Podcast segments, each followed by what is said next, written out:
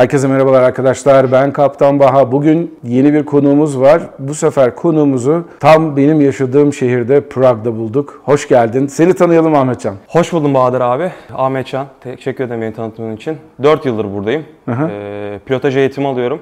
Hem üniversitemde devam ediyorum hem de aynı zamanda uçuş okulunda. Air Transport olarak geçiyor şu anda. Tamam. Ee, yine kendim devam ediyorum. Normalde bir integre kurstu ve şu anda değiştirdiğim için e, modüler sistemle kendim devam ediyorum. Kendim degree'mi aldıktan sonra uçuş okulunda farklı bir şekilde devam edeceğim. Peki buraya gelmek için herhangi bir sınavdan geçmek zorunda mıydın? Yani üniversite sınavına mı girdin buraya gelmek için? Şöyle söyleyeyim, buradaki üniversitelerin genelde hepsinin kendi bölüm sınavları oluyor. Bölümden bölüme bile ders konuları değişiyor. Hı hı. Ee, ben mesela e, pilotaja gireceğim zaman matematik e, ve İngilizce sınavına girmiştim. Ee, ama şimdi şöyle bir şey var. Mesela Çek Cumhuriyeti'nin üniversite okumaya geldiğin zaman eğer kendinle getirdiğin bir e, dil belgen yoksa e, bir üniversitede en az 6 ay olmak üzere bir dil okuluna gitmen gerekiyor. Bunu tamamladıktan sonra bölümlere başvuru yapabiliyorsun. Peki sınav geçerek bundan kurtulman mümkün değil mi? Mesela benim İngilizcem çok iyi. Buraya üniversiteye gelmek istiyorum. Üniversitenin anladım demek istediğini. Üniversitenin kendi dil sınavı olabiliyor. Hı hı. Ama e, onun şimdi mesela başvuruları farklı bir süreçten geçtiği için e, ben bilmiyordum ilk geldiğim zaman öyle olduğunu ve diğer arkadaşlarım gibi dil kursuna gittim burada. Peki neden burası? Neden Amerika değil? Neden Türkiye değil? Türkiye'de de bir sürü üniversitelerde havacılık bölümleri, pilotaj dedikleri aslında pilotluk bölümleri. Ben o lafa çok kızıyorum. Yanlış bir terim kullanıyorlar çünkü. Ee, bir sürü bölümler var. Neden burası? Ee, güzel bir soru aslında. Bunu çok kişi sordu bugüne kadar.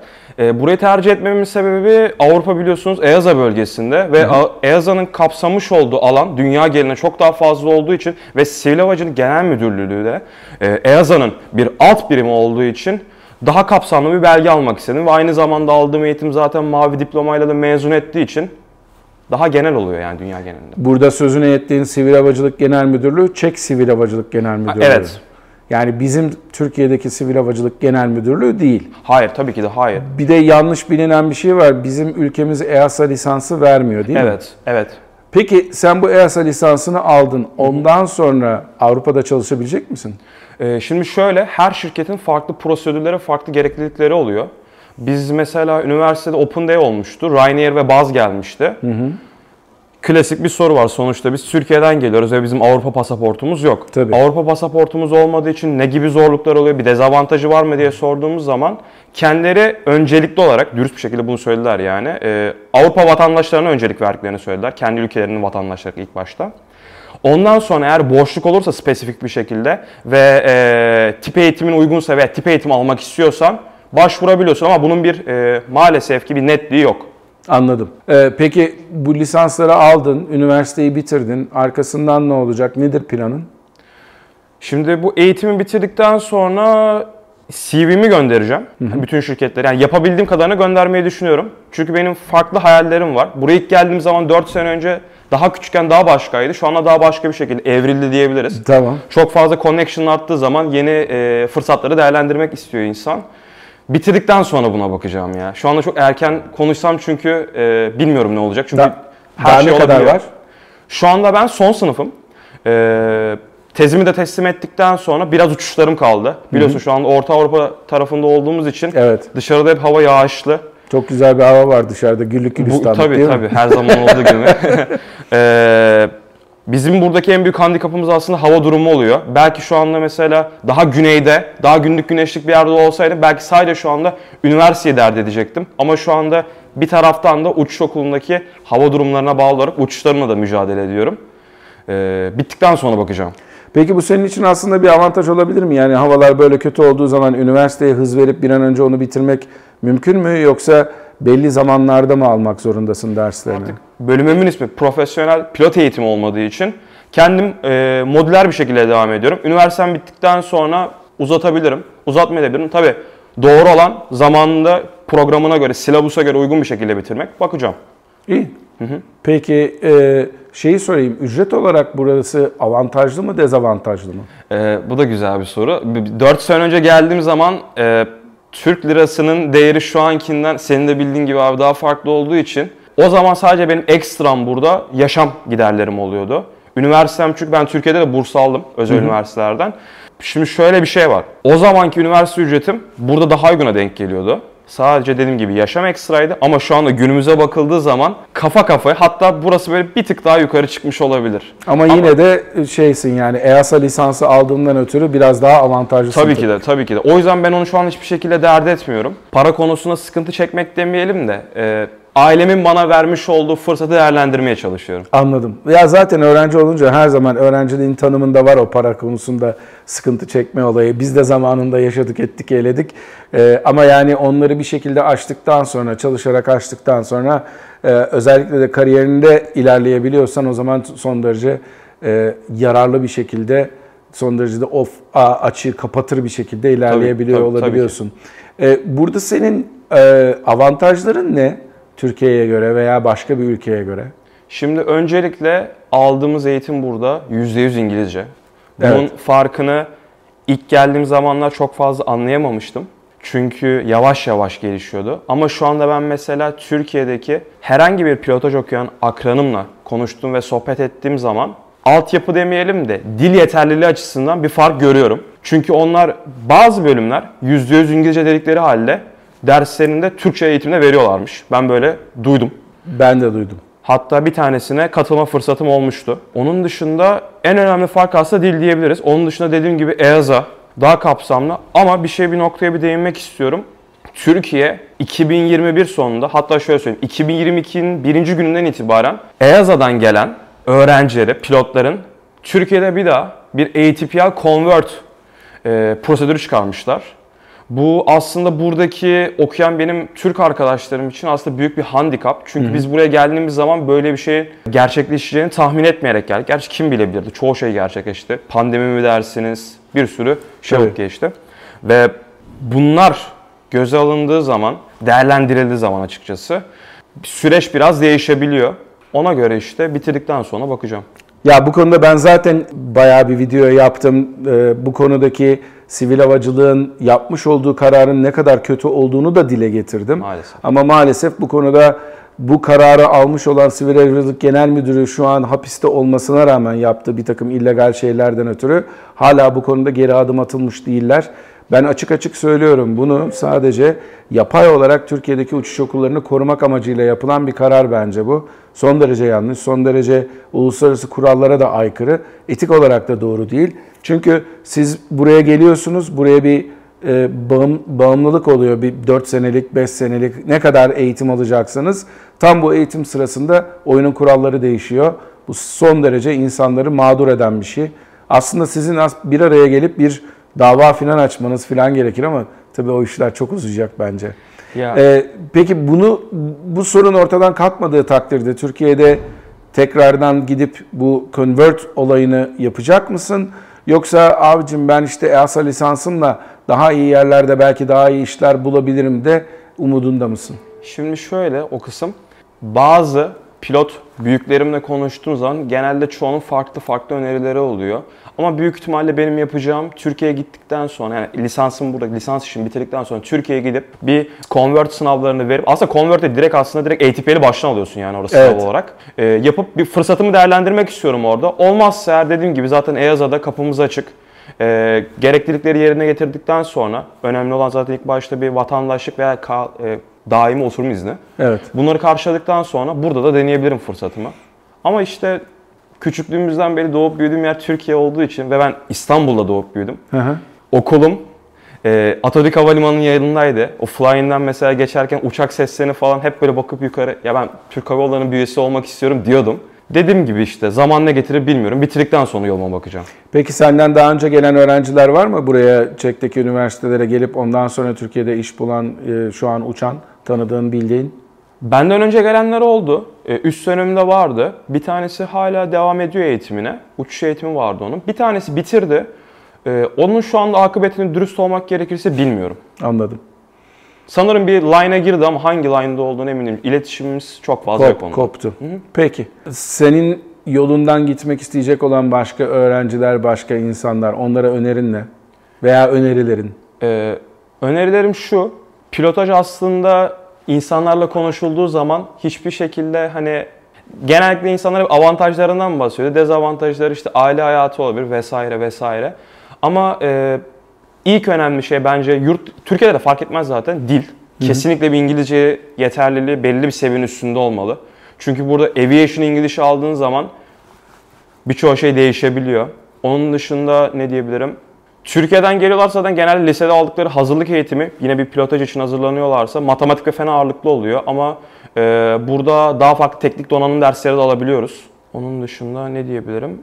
Azim ve kararlılık diyebilirim ya. Evet. Çünkü- Özellikle önüne çıkacak engellere mücadeleyle e, karşılık vermen çok önemli. Çünkü Yabancı zaman- öğrenci olmak kolay değil. Ben de yaşadığım için biliyorum. Kes- kesinlikle. Bir de zaten hayatta hiçbir şey her zaman ivmelenerek yukarı çıkmıyor. Son derece güzel bir noktaya Ki değindin. e, bu eğitimde zaten karşına çok farklı sorunlar çıkabiliyor.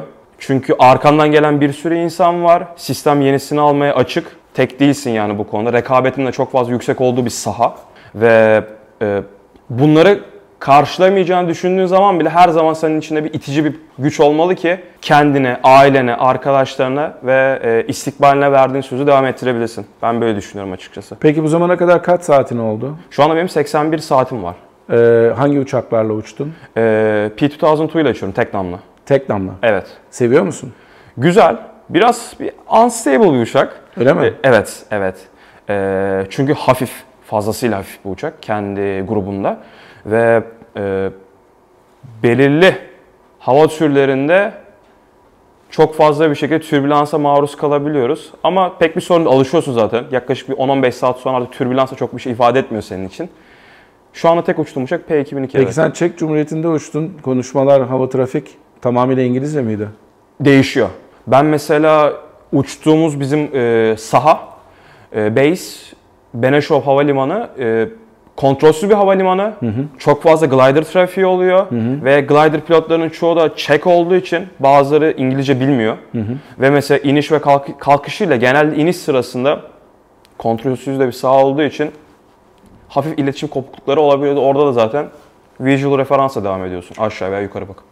Kontrolsüz meydanlardan biraz bahseder misin? Türkiye'de çok fazla bilinen bir şey değil. Benim Türk Hava Yolları'nda kaptan olarak gidip ondan sonra Amerika'da hava yoluyla uçan ve kontrolsüz hava sahalarında uçan arkadaşlarım oluyor. Çünkü gecenin köründe bazen gidiyorsunuz Amerika'da. Her ne kadar hava yolu hizmet verse de kule olmuyor orada. O tür meydanlarda mesela zorluk yaşadıklarını biliyorum. Bir iki tanesi bana söyledi. Buradaki e, kontrolsüz meydanlar nasıl oluyor? E, nedir kontrolsüz meydan? Biraz da ona bahset ki Türkiye'deki arkadaşlar birazcık anlasınlar nelerle uğraştığını. Şimdi kontrolsüz hava sahası ile kontrollü hava sahasının en büyük farkı tabi elbette tower'da birisi oluyor. Ama e, mesela bazenleri içecek almaya ve lavaboya falan çıkmış olabiliyor. Sen PTT'ye bastığın zaman yani e, kuleyle kom- komünikasyon kısmına geçtiğin zaman e, referansını söylüyorsun, ne yapacağını söylüyorsun, iznini alıyorsun ama mesela geri dönüş olmuyor. E dediğim gibi böyle olduğu zaman da mesela e, görsel olarak devam edebiliyorsun. Ben mesela bir, bir durum şöyle bir şey yaşamıştım 2-3 sene 2 sene önce yaklaşık yazın. Yazın bu arada en anormal e, glider yani planör trafiğinin olduğu dönem oluyor bizim orada. Ve mesela e, giriş ve çıkışlar mesela değişebiliyor rüzgarla vesaire. Ve mesela sen konuşacaksın, izin istiyorsun. Bir bakıyorsun karşı taraftan farklı bir glider trafiği geliyor. Diyorsun ki yani tamam kulede birisi yok. Kendim yönümü değiştireyim. Diğer tarafa geçiyorsun. Altlı üstü trafikte ortada kalabiliyorsun. Yani iniş ve kalkış kısmı biraz komik olabiliyor böyle durumlarda. E, farkına gelirsek işte dediğim gibi kontrollü tarafında her şeyden izin istiyorsun. Yapacağın her şeyi kuleye bildiriyorsun. Burada bildirsen de geri dönüş alamayabiliyorsun. Tabi bunlar nadir şeyler. Her zaman Evet. olan şeyler değil. E, böyle olduğu zaman da dediğim gibi visual referansı yoluna devam edebiliyorsun. Bu şekilde. Çok güzel. Aslında bunlar güzel şeyler. Çünkü gerçekten genel havacılığın özünde bu tür şeyler var. Ülkemizde bu tür şeyler çok fazla yaygın değil. Hatta hiç yaygın değil. O nedenle bazı üniversitelerin mesela kendi meydanlarında belki bunları yaptıklarını duydum, ettim, eyledim ama e, mesela ne bileyim bir Hazarfen'de bunu yapamıyorsun. Orada bile kontrol Çorlu'da da oluyor. evet. Çorlu'da yapamıyorsun. E, ve şey var ama bu senin anlattığın düzensizlik içerisinde belli bir düzen var. Belli Tabii, havacılık tabii. kurallarına göre yapılıyor bu.